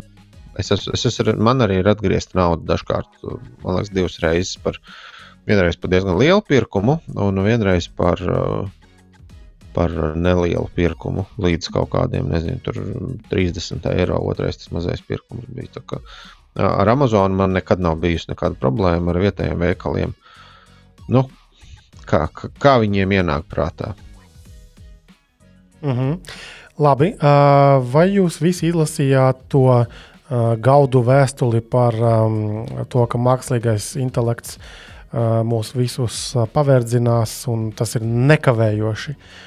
Uz pusgadu jāaptur visa izstrāde un, un jādod pēc tam atslēgas citiem cilvēkiem. Es, es, es šitais manējais drusku ir. Es šo te gaudu vēstuli tā kā ar vienu aci paskatījos. Iedod kontekstu no sākuma, kas tas ir un priekš kam. Tā tad, tā tad uh, chat, chat GPT, vai kā mēs viņu nesauktu, ceturtā versija, kas tikko ir iznākusi, tur viss ir sabijušies. Uh, jo, jo, jo tiek lēsts, ka šis jaunais mākslīgais intelekts, vai arī tas ir vai nav mākslīgais intelekts, sauc kā gribi, ir gājis tik tālu uz priekšu, tas ir vismaz no avotiem, ko es esmu pētījis. Tik tālu uz priekšu, ka tev jau daži nosauc, ka tādam, tādam lēcienam uh, būtu jābūt ap 2030. gadu. Uh, vēl viena problēma ir tā, ka mēs jau pagājušajā reizē, laikam, tas bija pagājušajā reizē, mēs pieminējām par to, ka Microsoft, Microsoft kas ir viens no lielākajiem bīdītājiem šim mākslīgajam intelektam, ir atteicies atlaidis veselu komandu ar cilvēkiem, kas rūpējās un, un ieteica par šī mākslīgā intelekta izstrādes, tur kaut kādiem drošību, drošību un kaut kādiem labas, labu, labu, labu pielietojumu un tā tālāk. Tie cilvēki ir atlaisti. Bet nu, lielā šī problēma, ko ir parakstījis Masks, Ilons Masks, šis Macintosh, kā tur Vozņiekam bija vārds, es pat paspēju aizmirst. Kaut kāds Stevens, ka tik nebija vairs Stevens. Kā, kā, jā, jā, kāds kārtējais Stevens, vesels čups tur bija parakstījis šo vēstuli. Uh, Būs nu, iespējams, ka mēs nesaskarsimies ar terminatoru, bet uh, kaut kāda mēsla varētu būt, ja nepieskata šo visu mākslīgā intelektu attīstību. Uh, ir, es noskatījos, bija arī mums, uh, mūsu šajā te, uh, kopējā Discord kanālā, kas tur bija bija uh, ielikts uh, Cold, Cold Fusion. Ir tāds uh, YouTube kanāls Cold Fusion, tur kaut kāda gudrinieka video. Bija, to, to, to gan es ceru, ka Kristaps ieliks linku uz šo te es esmu ielicis mūsu šajā kopējā sarunā. Uh, ir, video links, to var noskatīties. Nebija pārāk garš, bet bija ļoti pamācošs. Uh, par viņu avotiem es nemācīšu spriest, bet tur bija diezgan interesanti pastāstīts arī par visu to, kas kā tas šobrīd izskatās. Un, man liekas, viņi ne, tā ļoti neapspēlēja to nākotni, uh, ko šis chat GPT mums varētu atnest. Nu, tādā ziņā, ka nepatīkamo. Bet viņi bija pateikuši, ka, jā, ka ir, var, var rasties problēmas, jo mēs neesam tam gatavi. Un, un, un būsim godīgi, ir jāgatavojas sliktākajam scenārijam, jebkurā gadījumā. Uh, Un bija pat uzprasīts, vai šis jaunais, uh, jaunais mākslīgais intelekts ir uh, self-aware, kas ir uh, pašs. Pa, paš, pašapziņīgs, ne, bet paš, ar apziņu. No, jā, vai ar apziņu. Tas, protams, bija pateicis nē. Viltnieks, uh, bet, viltnieks. Bet, nu, tā kā atnāc mājās no diskotēkas, vai tu esi dzēris? Nē. Jā. Jā, vai tu esi pīpējis, vai, tu, vai, vai tas bija tas, ka, kurš saka, vai tu sakāvies ar Jānītu skolā? Nē. Nu, nu, jeb, jebkurš, kuram kaut nedaudz strādā prāts, pateiks, nē. Tā kā, nu, ir ļoti, atkal ir ļoti grūti izvērtēt, ka, kurš ko kad, bet uh, ar šitām lietām ir jābūt baigi uzmanīgam. Kurā mirklī ir jātur roku uz, uz skaineta rubiļņika virsū, kad viņš jāslēdz ārā. Ai, nemīs nebūs tik traki pagaidām. Nu, Džons Konors būtu pretējās domās. Es zinu, ka es esmu pie tā. Tas ir šis te, kad mākslīgais intelekts, nu, intelekts vēl vismaz pagaidām nespēja apzināties, ka viņš ir mākslīgais intelekts un ka viņš var visu izdomāt. To, es domāju, to, tā, ka to, to sataisīs. Tad jau varēs sākt uztraukt. Interesantā kārtā to viņi sauc par viņu, nevis to. Uh, Uh, nu, es jau, es jau civilizēju. Jā. Pielietot. Jā, mums, mūsu robotu overlordi, mēs jūs mīlam, vai ne? Mēs jums rakstīsim uh, šos uh, slavinošos tekstus kursorā. Jā. Un podkāstā, protams. Tas ir tas, ja, ja mūsu robotu overlordi mūs dzird, tad kursora komanda ir gatava kalpot par nelielu, bet godīgu atlīdzību. Tu domā, ka robotiem mums varēs piešķirt, nezinu, dažas jā, jā, nē, lai, lai, vienkārši... nedēļā, lai, lai mēs varētu turpināt rakstīt, izvilkt dzīvību. Nē, lai, jā, lai, mums, lai mums tur uh, nepieslēgtu tā kā neo šitajā te, ka viņš ir uh, Matrixā, elektriskā lampiņa vai kas viņš tur ir. Bet mēs turpinām kaut kādu funkcionēt, un, un, un anāla proba netiek taisīts vismaz ne katru dienu. Jā. Es papētīju, mēs jūs mīlām. Jā, es papētīju, tātad, ka, nu, kurienes vispār kājas aug šitam visam vēstulētē, kas tiešām šīs nedēļas tāds, man liekas, nu, viens no tādiem skaļākajiem notikumiem. Tad eksistē tāds Future of Life Institute. Jā, izklausās tik ļoti, nu, ļoti kā pateikt. Tā kā visi šie institūti izklausās, kad nezinu, naudas atmazgātāji sauc, piedāvā labāko dzīvi, bet nu, tikai noteiktam slānim tas var atļauties. Bet viņi, bet viņi diezgan laiciņu jau eksistē, nu tā kā ne pirmo. Tātad viņi nav radīti, lai šo vienu vēstuli rakstītu. Viņi kā, mēģina turēt rūpi par mākslīgā intelekta, turētisku veidošanu, biotehnoloģijām, atomieročiem un klimata izmaiņām. Tad visas šīs trendīgās tēmas. Tur interesantā kārtā, protams, ir jāpēta, kas par cilvēkiem. Tur ir daudz ko nezināmu cilvēku, bet, piemēram, ir uh, Skype uh, līdzdibinātājs Jānis Stalins uh, šajā valdē, un tur bija vēl kaut kādi uh, vēl viens vai vairāki igauni. Atcīmredzot, tur tusiņš laikam ir spēcīgs arī tajā ziņā. Kaut ko viņi tur ņemās, kaut ko viņi tur darās, viņi kaut kādus tur uh, guidelines taisa. Tā vēstule, protams, ir. Nu, Uzrakstīt jau visu kaut ko var. Uh, man liekas, ka daudz ko sačakarēja tas, ka to parakstīja uh, mūsu draugs Elmusko. Uh, jo, nu, kāda viņam interese ar šo te parakstīt? Uh, Ir jāzina to, ka Masks uh, gribēja nopirkt OpenAI.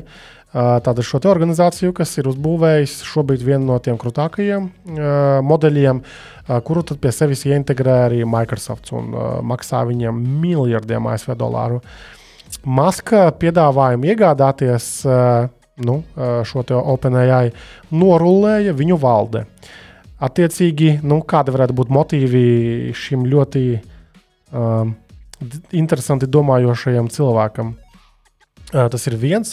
Vozņaks, Vozņaks arī, protams, legacy viņam ir krūts. Apple tur viņš arī līdzdibinātājs kaut kāds mākslinieks bija viens no pirmajiem krūtajiem ceļiem. Protams, jā, viņš arī uztaisīja kompi pirmo Apple. Jā, un Vozņaks arī bieži vien iekuļas kaut kādās tādās publiskās ķezās, ka viņš iesaistās kaut kādās dīvainās aktivitātēs. Tāpēc mani nepārliecina tas, ka tur ir maskas, kādas intereses.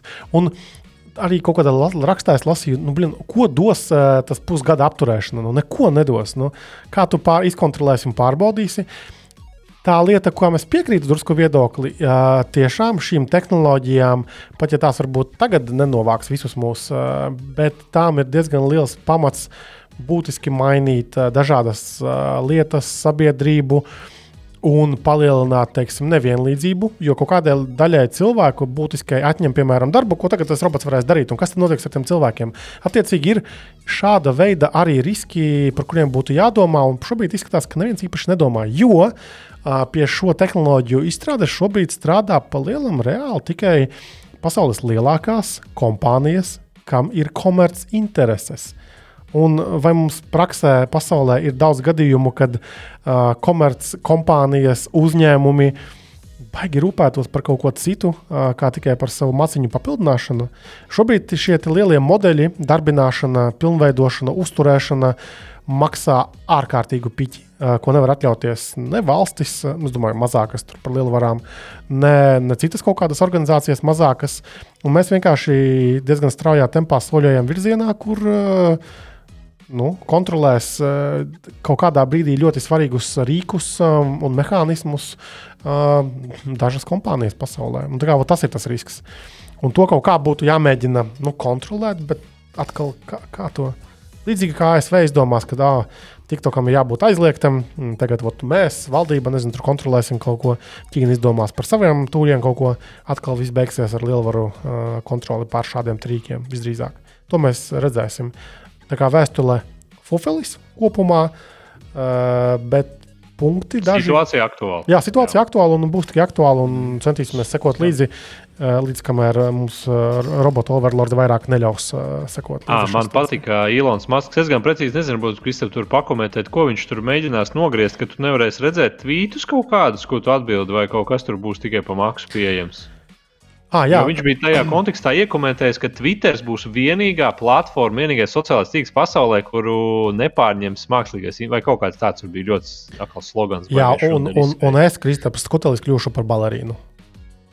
Iedomājieties, ja apaļīga balerīna, tāda uh, poantēša, tajās te rozā. Nu, bet tu zini, tagad uh, šitais body positiv, positivity, body positive mindsets, nu, klausies, jā, ir iespējas, protams. Viss perfekti, un es dejošu piruētas uz skapi taisīšu. Uh, Tu bet, vari būt, kas vien tu vēlies. Jep, tā ir. Lūk, uh, bet par masku tā bija kaut kāda arī interesanta ziņa šajās dienās, ka Man liekas, ka pats Maskis ir kaut kā novērtējis, ka jā, viņa par 40 cik miljardiem, 44 vai 40 miljardiem iegādātais Twitteris šobrīd varētu būt 20 miljardu aptuveni vērtībā. Attiecīgi viņš ir uh, pusī nu, padirsis. Tā, rupji izsakoties, bet tieši un godīgi. Ja? Uh, protams, arī jāpiezīmē, ka ir Twitteris milzīgu pārmaiņu mm, nu, posmā. Uh, un, protams, ka viņi mēģina, kā, viņi ir zaudējuši daudzus reklāmdevējus, nu, pamatā maska dēļ, bet uh, viņi mēģina to blūzi atdzīvināt, uh, to, to abonentu uh, plānu un eh, kaut kādu vairāk naudas dabūt par to. Tikai viņi dara tā ļoti interesanti. Nu, kā parasti ir forši, ka uh, tu kā lietotājs gribi maksāt par lietām, kaut kādām jaunām featurām, kas nav pieejamas visiem mirstīgajiem parastajiem, bet, ot, ja tu maksāsi 7 eiro vai cik nu tur eiro mēnesī, oh, to tā feature būs. Tagad Elmusko grib izdarīt tā. Iepriekš tu varēji, un vēl šobrīd mēs varam, piemēram, piedalīties aptaujās, polos. Nu, nākotnē tu varēsi, ja tu maksāsi 7 eiro mēnesī. Uh, tur, tur tā, kas tur bija vēl tālāk, bija par poliem, uh, bija, un vēl bija kaut kāda feature, kas ir kā, visiem tagad pieejama un normāli lietojama, bet uh, pēc kaut kāda brīža būs pieejama tikai tiem, kas maksās vairāk. Un uz to man gribās maskam teikt, fuck you, nemaksāšu to 7 eiro mēnesī par šādām lietām. Palikšu bez poliem. Zinu, ko es iedomājos. Labi, es iemetīšu to polu, nezinu, nu, kādā citā uh, weblapā. Vat interesanti, tad viņi arī trekos tās weblaps, droši vien. Es domāju, nu, ka, ne, ne, tik traki kāds. nebūs. Vienkārši nu, rēķinies, ka tu to polu iemetīsi citās vietās, bet uh, tu nedabūsi tādu engagementu, jeb iesaisti no citiem Twitter lietotājiem, kā tas būtu gadījumā, ja tu izmantotu platformas ie, iebūvētos tūļus. Twitter poli ļoti forši darbojas. Es pats esmu daudz izmantojis pēdējā laikā cilvēki saprot, kas tas ir, kā tas darbojas, un visiem patīk klikšķināt. Tāpēc nu, tas ir diezgan gudrs veids. Un, un, un, un atklāti sakot, nav jau tā, ka baigi kaut kur varētu aizmukt. Protams, kāds varbūt teiks, jā, bet ir mastodons. Nu, labi, mēs darbinām mastodonu serveri joprojām. Es katru mēnesi maksāju par to 20 eiro. Man negribas vairāk maksāt 20 eiro katru mēnesi par to serveri. Uh, jo dzīvīguma vispār latviskajā mastodonā jomā nav. Ne tajā tūlēļ serverī, ne pie mums. Nu, ir kaut kas tur bišķiņi, kaut kādi atsevišķi cilvēki un normāls tur diskusijas, bet kopumā neizskatās, ka tas baigi pārņems Twitter vietu. Ir saradušies vēl kaut kādi jauni tūļi, tur Dorsijas kaut ko taisa, vēl tur kaut kāda taisa. Bet vai tie baigi būtiski kaut ko maina? Nav. Es neredzu, es neredzu baigo migrāciju starp rīkiem. Twitteris, lai arī kā mēs gānītu to masku, uh, nu, vēl darbojas. Ir gluži pa laikam, bet nav kritiski. Ņem nost features kaut kādas. Ot, kur būs tas moments, kad, kad cilvēki pateiks, nē, viss vairāk mēs nelietosim šāda veida sastīklu. Liekas, ka būs ka... jāmaksā vispār visiem. Nu, nu būs, nu, nē, nu, tā nebūs. Lietot. Bet, bet, tā nebūs. Bet jā, tā kā jā, tas... Klausies, tāds jautājums vēl pie reizes. Varbūt tu fiksēji pirms tam, vai, teiksim, rīču tvītiem tagad un pirms maskas nopirka. Es nezinu, tu sekoji tiem pašiem kursoru tvītiem, ja var iemest, vai tad nebija redzams rīčs, tā kā tagad ir pie tvītiem. Publiskais. Es neesmu analizējis šādus datus. Mm -hmm. Nē, es tikai iedomājos, interesi pēc varbūt uh, var, var pam, pasakot, uh, tas ir tāds labs rādītājs. Mm. Tad, nu, tas tā. Labs kādreiz. Insights mūsējais. Tad. Nē, nu, zini kā iepriekš jau tik uzskatāmi nerādīja. Tagad es redzu, ka piemēram katrai, katram tam tvītam, mm, uh, kursora Twitter kontā ir uh, 1,700 skatījumi. Uh, tur, kur bija Mollera auto sasniedzis rekordlieru peļņas pieaugumu, tur uzreiz ir uh, 3600 skatījumi. Nu, tie nav tie džeki, kas to saudīja tirgo. Ja? Ir, ir, ir, ir. Jā, jā ap, ap, ap, ap pusotru tūkstošu, ap, ap 1,6-1,7 tūkstošiem ir uh, vidēji uh, skatījumi katram uh, tvītam, un tad ir daži atsevišķi. Tad iepriekš, teiksim, nebija kaut kāds biznesa profils. Uh, es, es neanalizēju šos datus. Mm. Es zinu tikai to, ka no Facebook bija lielāks trafiks vienmēr, un no Twittera kaut kas mazliet tur nāca. Mm, bet, bet, bet, bet, bet uh, jā, var kādreiz pāranalizēt šo lietu arī. Uh, Um, ok, labi. Kas mums vēl tāds uh, ir? Uh, kas tur bija ar to uh, karaļa Čārlza koronēšanas pasākumu un, un Jonatanu Aivu? Oi, man liekas, ka uh, tas bija tas, kā manējais bija. Tā tie karaļi Bet, vairāk uh, patīk. Brīdinu, atkal cilvēks varbūt dalīsies ar savu vēsturisko pieredzi. Tātad, Džonijs Aivs, Īvs, vienalga sauc, kā viņa kā grib. Tas, kurš, tas, kurš Apple dizaineris, tur lielais puika, pliko pauri. Bija. Uh, vairs nav tik liels, bet pauris ir tikpat pliks. Uh, nav, nav attaudzis tas mati. Nē, Apple viņš sen jau nav. À, tu par to mm. maskam atauga mati atpakaļ. Nezinu, kāpēc, tā, kad parādījās pirmais miljards. Um, Džonijam vēl nav atauguši mati atpakaļ. Vismaz ne tajās vietās, ko viņš publiski parāda. Vienā cekot, Džonijs izstrādājis ir diezgan tādu interesantu apaļu logo. Uh, Karaļa, nu, nu jau topošā karaļa, es nezinu, kā viņu tur tagad jāsauc. Ir Čārlza kronēšanai, man radās, mums ir ielikts angliskais nosaukums šim te rakstam. King Charles, tas ir tas tāds dredēnais pusmērkaķis, kas katru gadu brauc uz pozitīvus. Nē, tas ir tas īstais, tas karalis. Kronēšana kaut kad vasarā viņam ir paredzēta. Uh, bet, nu, jebkurā gadījumā viņam ir izstrādāts logo. Tur bija visādas puķītes un interesants tāds sarkanīgs apaļš logo. Uh, bet uh, stāsts droši vien es gribēju novirzīties mazāk no, prom no karaļa, tā kā tālāk no karaļa tuvāk pie Džonija Aiva. Un atkal es iegāju uh, Wikipēdijā, šoreiz es sagatavojos ar zināšanām, nevis tikai viedokli. Un tad neliels, neliela atkāpe par Džoniju. Tātad Džonijs ir bijis Apple kopš 92. gada. Un uh, netika ne, ne precizēts, bet 90. gada beigās viņš kļuva par vecāko viceprezidentu industriālā dizaina jomā Apple. Un 2015. gadā viņš tika kronēts, Džonijs tika kronēts par CDO, kas ir šī Chief Design Officers vai kaut kas topos. Bet jau 19. gadā, 19. gada vasarā, Džonijs Apple pameta.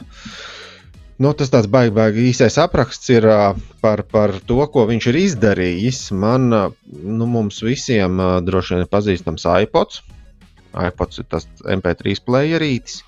Uh, tas ir Džonija ne paša, bet viņa komandas darbs. Cik es saprotu, Džonija paša darbs ir iMac G3, tāds puscaurspīdīgs ar vēl CRT to lielo resno monitoru iekšā. Tie bija ļoti smuki tādi aparātiņi. Uh, uh, PowerMac uh, G4 Cube. Tas tāds puscaurspīdīgs, to es tikai redzēju div, divas reizes uh, no attāluma.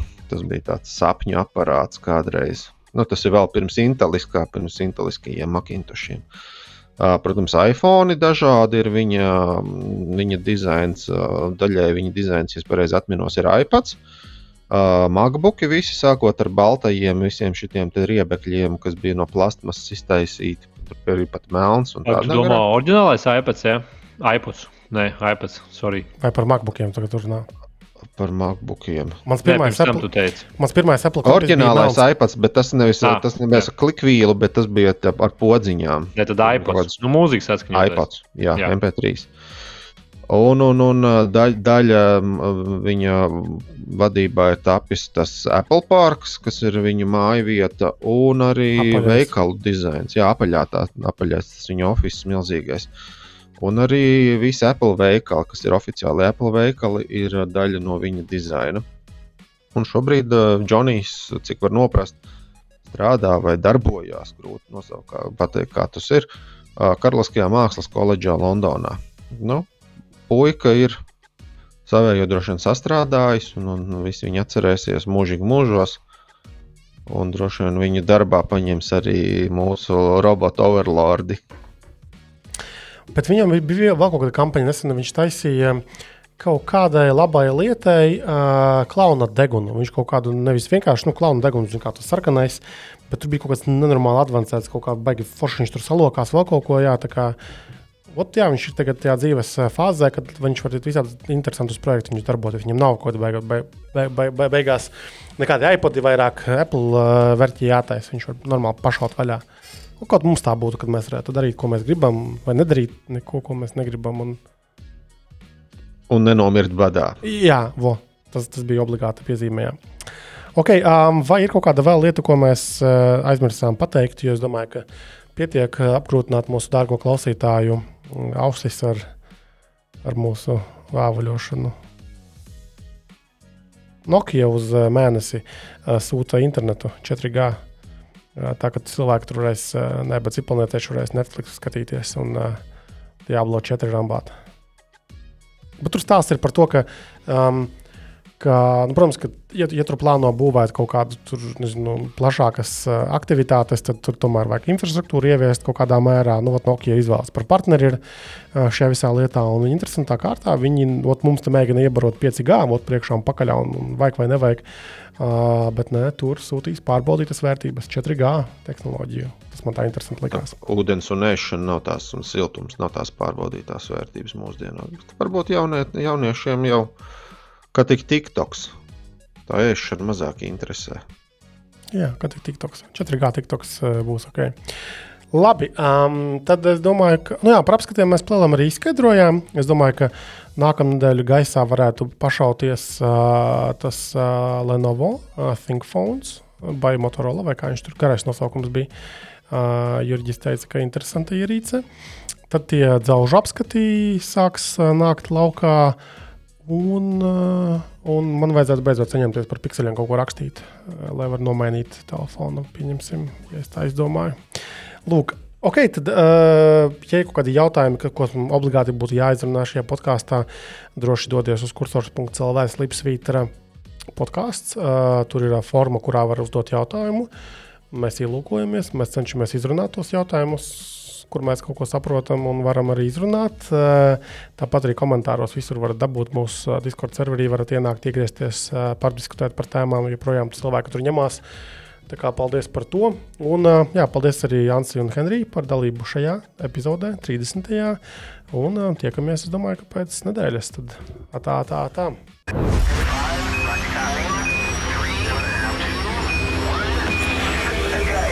ko kursors tev neraksta. Regulārs tehnoloģiju podkāsts kopā ar Cursors LV.